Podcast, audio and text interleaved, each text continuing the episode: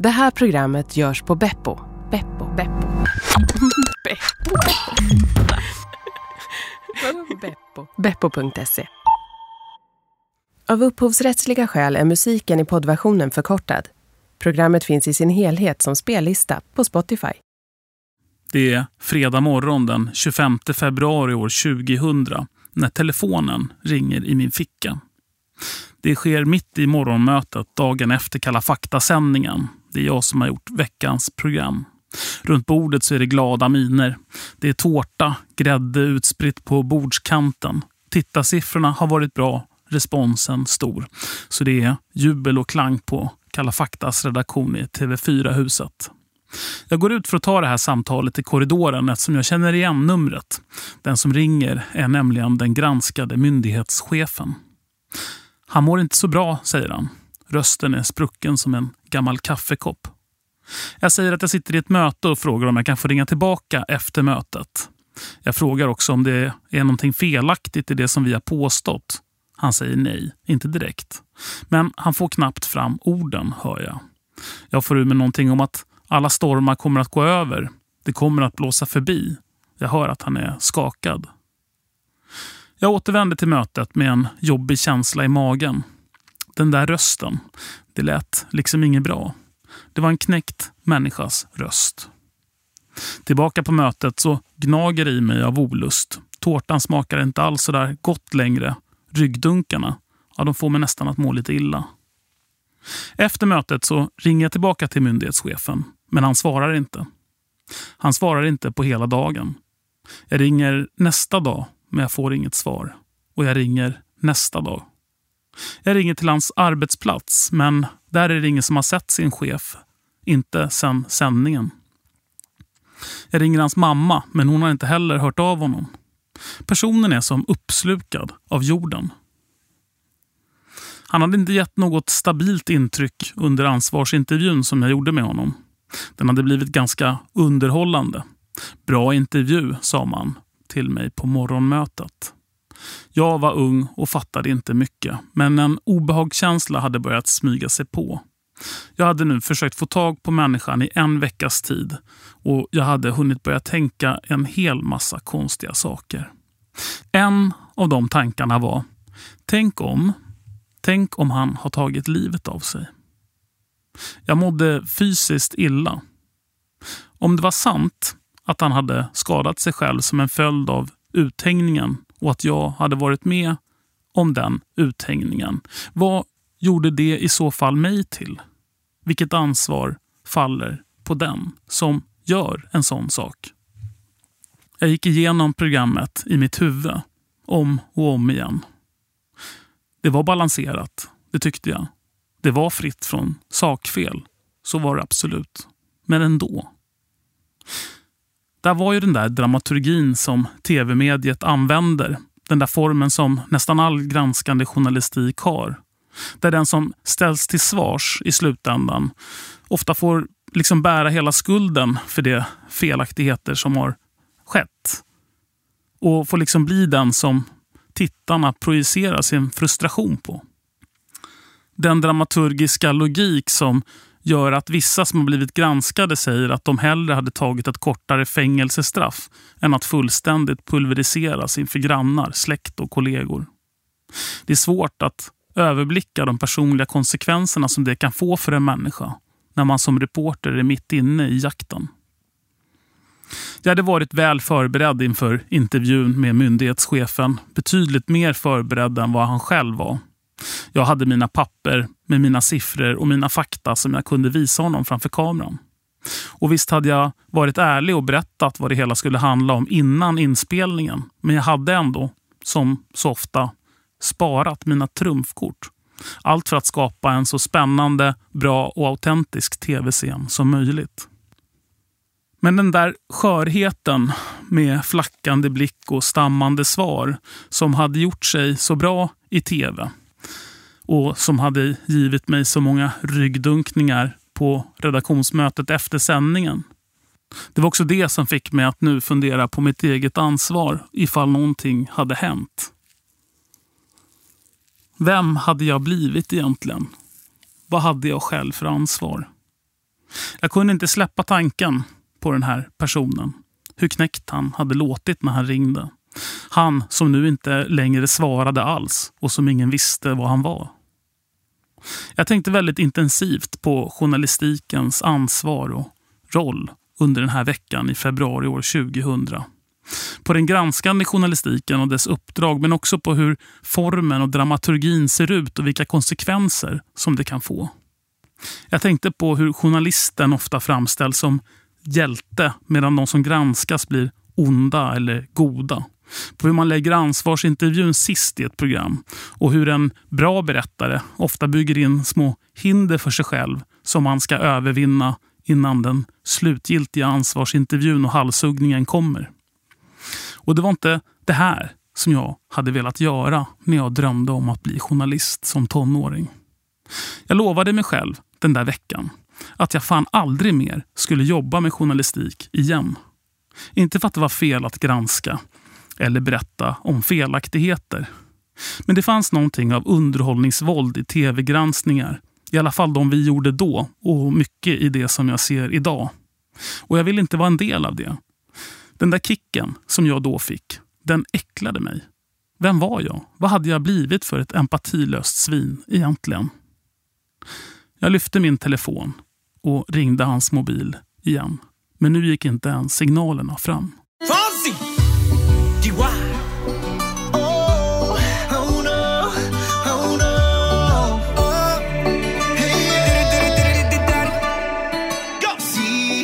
Sabes que ya llevo un rato mirándote Tengo que bailar contigo Jag heter Martin Wiklin och jag föddes 1971 i maj samma helg som striden om almarna i Kungsträdgården.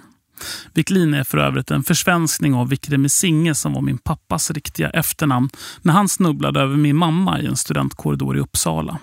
Han, en ung utbytesstudent från Sri Lanka med Kennedy-frisyr och cigarett i mungipan.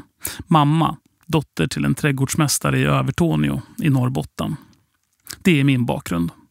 Jag är journalist och medgrundare till produktionsbolaget Tredje Statsmakten Media som gör journalistik för radio och tv. För tio år sedan så startade vi det mediegranskande programmet Medierna i P1 som nu alltså firar ett decennium i eten. Själv så gör jag idag framförallt intervjuprogrammet Söndagsintervjun i P1.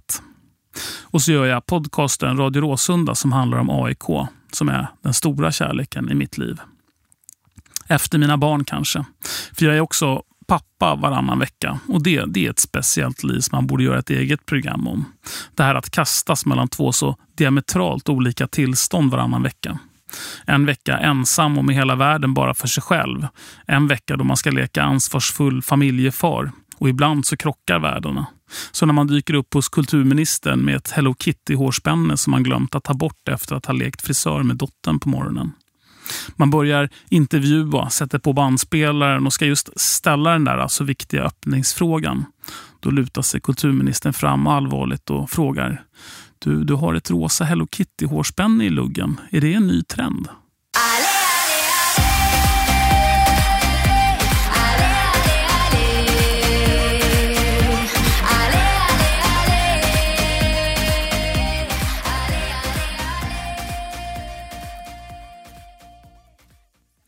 Två personer har en helt avgörande betydelse för att jag blev journalist. Fick mitt drömyrke. Ingen av dem skulle nog ha en susning om jag träffade dem idag, vem jag är eller ens komma ihåg de här händelserna. Men den ena det är Göran Rosenberg och den andra det är Jan Skärman. Två gamla elefanter får man väl ändå kalla dem i det svenska medielandskapet. Jag bestämde mig rätt tidigt i tonåren för att jag ville bli journalist. Det var ett romantiskt yrke för mig. Medier friade felaktigt dömda människor och journalister berättade hur världen såg ut genom sina egna ögon. Det var mycket Robin Hood-skimmer över hela grejen. Så jag ringde upp Göran Rosenberg, som då var min stora idol, och frågade hur gör man? Hur blir man journalist som du? Och Göran Rosenberg tog den där frågan på allvar och gav mig rådet efter en smula betänketid att inte gå Journalisthögskolan. För där, där blir man mallad som alla andra. Skaffa dig istället kunskap om någonting, sa han. Någonting som gör att du har någonting att berätta. Sen så lär man sig hantverket ganska snabbt på egen hand. Det var hans tips. Och Det var ett ganska bra råd för mig som ändå aldrig hade kommit in på journalisthögskola med mina dåliga betyg. Så jag reste och pluggade statsvetenskap, idéhistoria, nationalekonomi och lite annat. Den andra personen som skulle bli själva entrébiljetten till journalistikens underbara värld. Det var Jan Scherman, då TV4 samhällschef och som trots att jag aldrig hade gjort ett enda tv-inslag eller ens ett reportage fick chansen att göra en egen dokumentärfilm på TV4. Och Det var det som skulle bli min väg senare in på Kalla fakta där jag också fick min journalistutbildning. Vid den där tiden så hade jag hängt mycket med en kvinna som hette Anna. En kvinna född år 1900, årsbarn med 1900-talet. Det var min dåvarande flickväns låtsasmormor och medan min flickvän reste runt i Latinamerika så tillbringade jag vardagskvällarna med Anna hemma i hennes lägenhet på Folkungagatan i Stockholm. Vi drack lättöl och tittade på Färjestad i hockey som hon hejade på sedan barnsben. Tillsammans med Fredrik Malmberg, min kompis, så kom vi på idén att göra en dokumentärfilm om Anna och några andra som liksom hon var födda år 1900. En film som skulle kunna sändas på nyårsafton 1999 inför det stora millennieskiftet. Vi ville skildra 1900-talet som ju hade börjat med att en chef på ett patentverk tyckte att man kunde lägga ner myndigheten eftersom alla uppfinningar redan var uppfunna. Ett millennium som slutade med oro över datorhaverier och millenniebuggar. Däremellan världskrig, murar, månresor, rivna murar. Allting skildrat från fyra vanliga människors ögon årsbarn med seklet.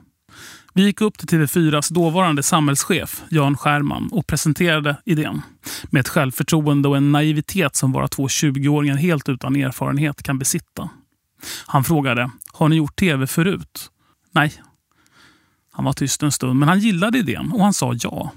Vi fick en halv miljon eller något sånt i budget och en fotograf som Jan Skärman litade på. Och sen var det bara att börja spela in. Jan Scherman hade gillat idén och han var inte den ängsliga typen till mediechef. Det, där, det skulle bli vårt första journalistiska jobb och vägen in på TV4.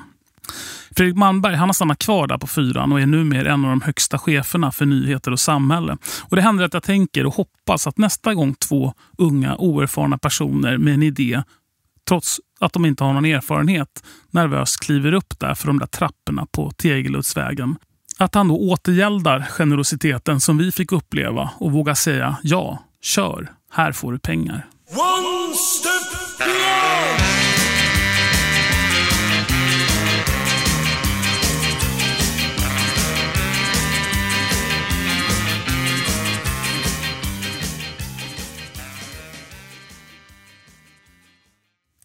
TV4 samhällsredaktion det blev vår journalistskola kan man säga. Fredrik och jag var ett udda inslag där. Och lite i taget så slussades vi in på Kalla fakta som reportrar med Trond Sefasson som mentor. Det var Trond som lärde oss allt om offentlighetsprincipen. Han älskade det där. Observera skyndsamhetskravet i TF 212. Bättre lärare kunde vi inte ha haft fick vi lära oss allt om journalistikens metoder, källkritik, offentlighetsprinciper och dess undantag, att söka spetsen i en historia utan att gå över gränsen. Att det gällde att hugga ner lagom många träd för att man skulle kunna se den röda ugglan där i mitten, men inte för många så att man förvrängde historien. Det var en tid då TV4 fortfarande satsade mycket pengar på sin grävande journalistik och på sin samhällsbevakning generellt. Och han var skicklig Trond, men lite speciell. Det var också Trond Sefason som lärde mig att all journalistik egentligen ska vara granskande journalistik, för annars är det någonting annat. Att låta en person säga en sak och en annan person sen kontra med en annan verklighet och låta tittarna avgöra vem som har rätt. Det var inte journalistik. Det var att vara mikrofonkypare. En journalist börjar där mikrofonkyparna slutar. En journalist tar reda på om det är A eller B som har rätt och berättar sen hur det ser ut. Det blev ganska ironiskt att en av de första stora fallen som vi granskade i medierna i P1 blev min egen mentor. Den nu mutanklagade Trond Sefasson. Men han är nu för all del inte den enda som har sagt upp bekantskapen efter inslag gjorda i medierna i P1.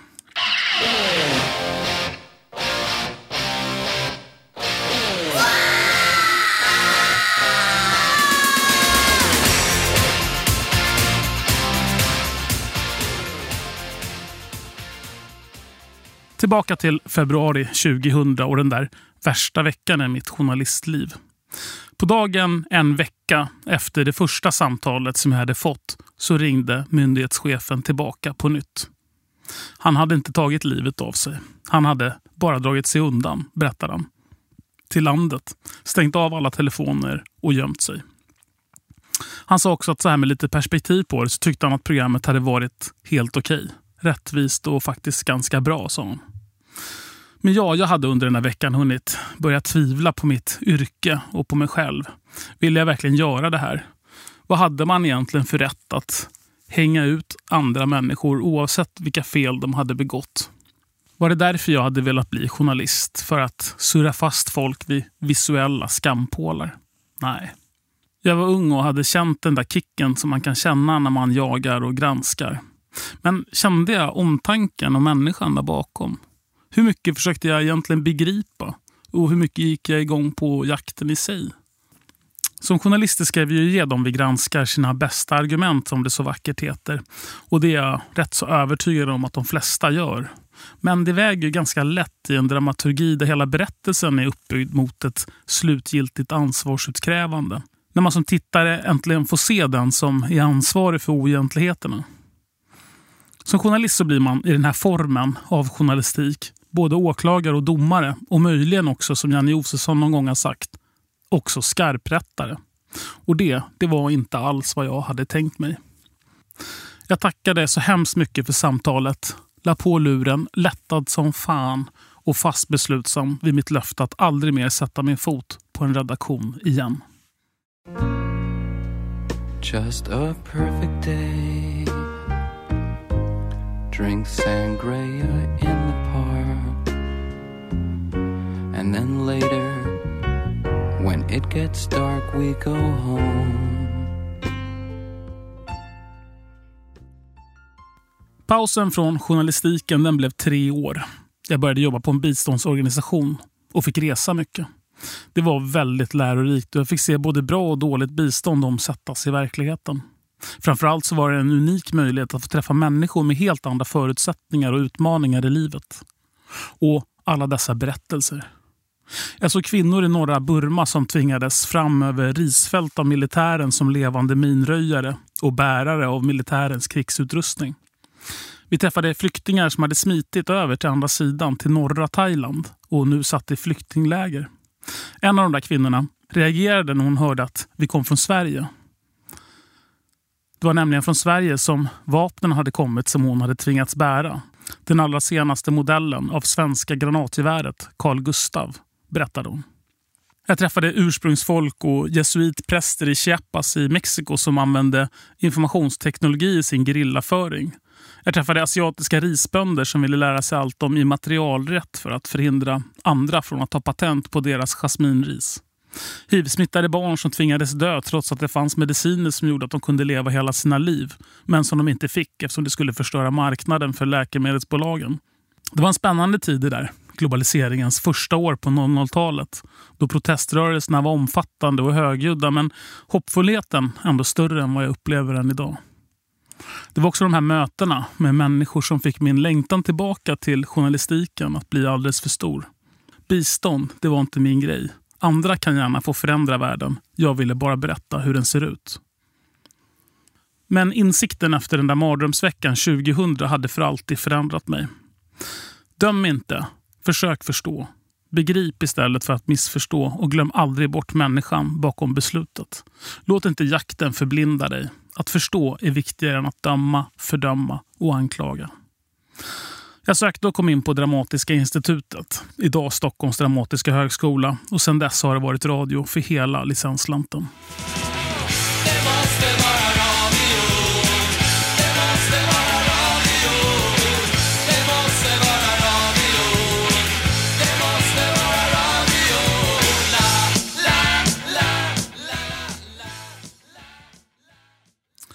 Medierna i P1 det började med ett bråk och ett rätt så modigt beslut. Sveriges Radio gjorde om sin tablå. Det här är något som händer ganska sällan. Man la ut ett medieprogram utanför huset. Samtidigt den där hösten 2006 så satt jag och drack en efterlängtad öl efter jobbet tillsammans med frilanskollegorna Lars Truedsson och Petter Ljunggren. Vi känner varandra ganska ytligt vid den här tiden och hade jobbat tillsammans i olika konstellationer men vi var inte vänner direkt. Och just det där att vi var olika och inte var vänner, det tror jag har inneburit en del utmaningar men framförallt en stor tillgång.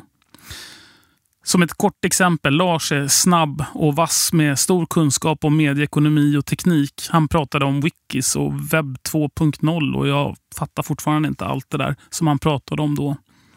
Petter var motsatsen. En ganska konservativ journalist och med en helt gränslös ambition. Jag minns första gången jag träffade honom. Jag var ny reporter på Studio 1 och han var producent. Han eh, kom förbi efter morgonmötet och gav mig hela sitt privata arkiv över intressanta uppgifter om egyptiensvenskarna. 3000 sidor i en sladdrig kasse. Jag tänkte att du kunde gå igenom den här mappen. Dagen efter frågade han vad jag hade kommit fram till och han var ganska besviken över att jag inte ens hade börjat läsa.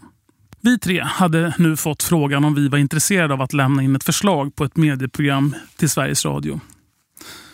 Vi gjorde en pilot på hur ett sånt medieprogram skulle kunna låta. Och en sak var säker, vi ville inte göra ett mediekritiskt program där man samtalade om olika ämnen på metanivå. Vi älskade ju journalistik och ville göra ett journalistiskt program om journalistik. Där vi med journalistikens metoder granskade just journalistiken. Där mediemakthavare granskades som vilka makthavare som helst.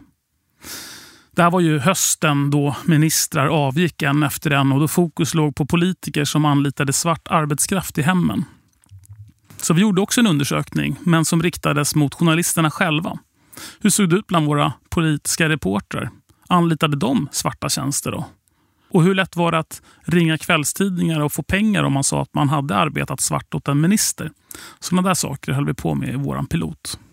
Och plötsligt i december 2006 så var det vi, det oprövade kortet, som fick uppdraget och blixtsnabbt så bildade vi tredje statsmakten media.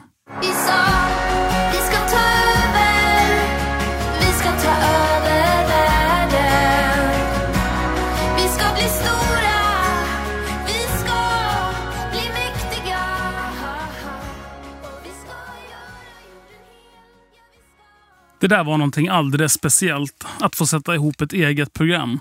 Så här ska det låta. Det här ska det kännetecknas av. Vi satt uppe till fem, sex på morgnarna inför sändning de första åren. Vi ville göra journalistik om journalistik som sagt och det skulle märkas i både innehåll och i ljudbild. Och det är inte minst ljudbilden som vi har fått mest kritik för av lyssnare genom åren. Lyssnare som inte tycker att de hör ordentligt på grund av ljudet, musiken och effekterna. Samtidigt där i början så växte protesterna både inne i radiohuset och utanför husets väggar. Det gjordes protestlistor med tusentals namn på. Gamla långköraren, vår grundade mening som funnits i ett kvartssekel, skulle läggas ner och vi hade fått uppdraget. Så vilka var vi? Vad skulle det nu bli? Kunde vi, ett kommersiellt bolag, verkligen granska den hand som födde oss? Frågorna hopade sig. Många hade fått för sig av någon anledning att vi skulle recensera tv-spel. Kritiken var stor när public service goes private, som det hette. Lördag den 23 februari 2007 sändes medierna för allra första gången. Vi ägnade hela första programmet om det stora bråket inne i Radiohuset. Ett hus som vi redogjorde för kallades för aphuset på Gärdet av en del. Jag tror att det var väldigt bra att vi satt utanför Radiohuset på Gärdet och inte inne i Radiohuset. Det var skönt att slippa möta kollegorna i kön till lunchmatsalen. Samma kollegor som man kanske dagen innan hade granskat. Och Hela första året minns jag mest som att vi ringde upp folk som la på luren i örat på oss. Eller som slängde ut oss i snön på vintern. Som avbröt intervjuer och som tyckte att allting var fullständigt och fruktansvärt orättvist. Det skulle ta ganska lång tid för mediemakthavarna att förstå att de också var makthavare, som vilka makthavare som helst och att en granskning av dem inte nödvändigtvis var en personlig affär. Det skulle bli oändligt mycket bättre med åren, men i början så var journalistkåren den allra mest känsliga och kitsliga och kränkta som jag någonsin hade kunnat tänka mig. Jag tror aldrig att jag varit med om en sådan motvind som under mediernas första år. Redan efter första programmet så ringde en av Sveriges största journalister upp som blivit granskad och skrek i en halvtimme. Jag la telefonen på högtalarläge och spelade in det. Han tyckte jag skulle sluta med journalistik och bli leksaksförsäljare på Åhléns. Jag spelade in det där samtalet och har det faktiskt kvar på datorn för att ibland, då och då, kunna lyssna på det och le. Men då, då var det ganska jobbigt. Även om det också satte ribban för en på ett ganska tydligt sätt. Det var så här det skulle bli nu. Det var bara att vänja sig. Sveriges Radio har hela tiden varit tydliga med att vi skulle granska även Sveriges Radio. Och det löftet har man hållit på ett utmärkt sätt. Sveriges Radio har aldrig ifrågasatt eller kommit med några andra invändningar. Och Det tycker jag är ganska stort. För det finns inget annat mediehus i Sverige som finansierar en redaktion som bland annat ägnar sig åt att granska deras egen verksamhet. Och det är inte så sällan som vi under åren just har granskat den hand som föder oss.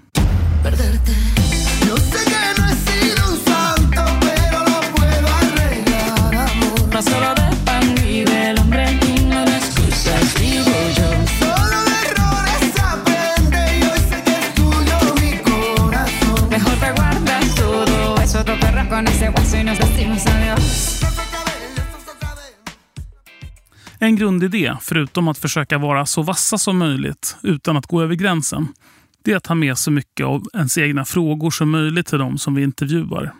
Jag vill gärna höra vad reporterna frågat, inte bara svaret som klipps ut. Det tycker jag är det mest ärliga. Jag vill höra om reporterna varit lika modig i själva intervjusituationen som han eller hon har varit efteråt när man har redigerat. Det är en sak att skriva en väldigt modig speakertext. Det är en helt annan att titta den du anklagar i ögonen och ställa frågan direkt. Jag vill höra hur frågan ställs. Jag vill höra hur svaret blir. Jag vill inte ha det där bortklippt. Vågar du inte ställa frågan ska du inte heller påstå någonting i en sidotext tycker jag.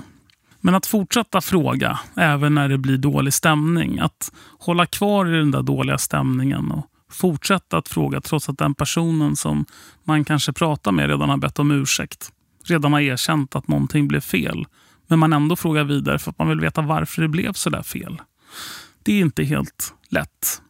Och metaforen för det här det hämtade vi från Bengt Bok som är lärare på Dramatiska institutet. Metaforen ostkupan. När man sätter sig i en intervju så tänker jag mig att den imaginära ostkupan faller ner över mig. Och så länge den är nerfälld då kan vad som helst hända. Innanför den där ostkupan, då finns inga sociala regler. Så länge den där ostkupan är på, då får man säga vad som helst, fråga vad som helst. Stämningen får bli hur dålig som helst.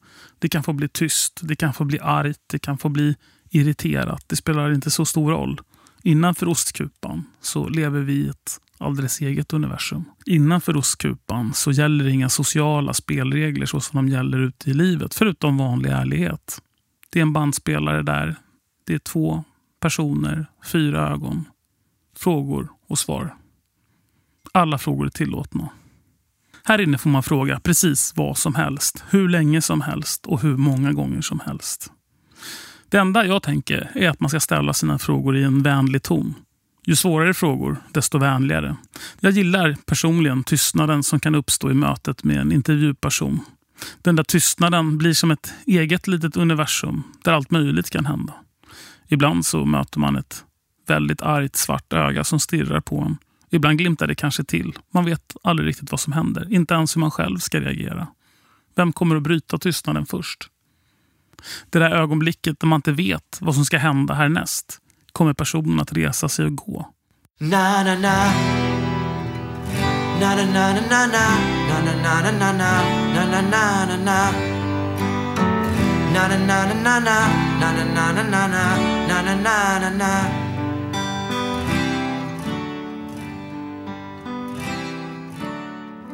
Vi satt ett gäng på en strand några mil utanför Tylösand vi lever idag i en tid med mycket hot och hat mot journalister. Det är en hotad yrkeskår på många sätt. Samtidigt som vi slår oss för bröstet och pratar om hur oumbärliga och viktiga vi är för demokratin. När juridiken sviker så står journalisterna där och friar människor som har satts i fängelse på felaktiga grunder. På många sätt samma bild av journalistiken som en gång lockade mig in i den som tonåring. Och visst, det är sant. Journalister är viktiga för demokratin. Samtidigt finns det ett problem med journalistikens utveckling med dess allt större bylines och journalister som själva blir kändisar. Det finns, som jag ser det just nu, så mycket tuppfäktning mellan journalister där det handlar mindre om sanningen och att berätta om hur världen ser ut och mer om att vinna priser, komma först och tävla om att ha den allra största nyheten eller rubriken. Självgodheten bland journalistkåren står i skarp kontrast till den bild av medier som jag möter bland mina vänner som inte alls är journalister och jobbar med helt andra saker. Det finns till och med ett journalisthat där ute som jag inte tror blir mindre av vår prestigefylldhet och interna självbeundran. Nu är ju programmet snart till ända. Berätta om förebilder, föreslog Resumé inför att jag skulle göra det här programmet. Eh, det tänkte jag inte göra. Men jag tänkte berätta om en liten bok som jag fick eh, när jag mötte en, en amerikan på ett eh, nattåg från Övertorneå ner till Stockholm sommaren 1994. Han hade rest runt i Europa och eh, hade i väskan en liten pocketbok av Kurt Vonnegut som heter Slakthus 5. Han tyckte att det där var en väldigt weird bok eh, och frågade om jag ville ha den. Eh, han tänkte ge den till mig i utbyte mot att jag gav den vidare till en annan människa som jag mötte när jag var på resa någonstans i världen. Han hade nämligen fått den av någon tjej som han hade träffat i Paris som kom från Köpenhamn som i sin tur hade fått den av någon som hade mött henne på någon resa. Och så där hade den där lilla boken gått runt mellan människor eh, på resa.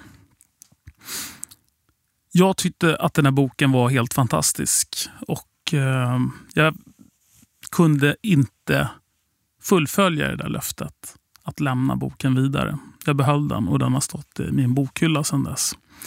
Idag är den full av kaffefläckar, vinfläckar, till och med lite kattpiss tror jag på omslaget. Och Jag tänkte så här att om du vill ha en bok i hängmattan och läsa i sommar så kan du få avlasta mig den här skulden och skicka ett mejl eller slå en signal till Resumé så kan jag fullfölja mitt löfte till den här amerikanen som jag träffade för ett kvartssekel sedan och lämna boken vidare till någon annan som kan få bli påverkad av den. Det var allt från mig. Ha en riktigt härlig sommar.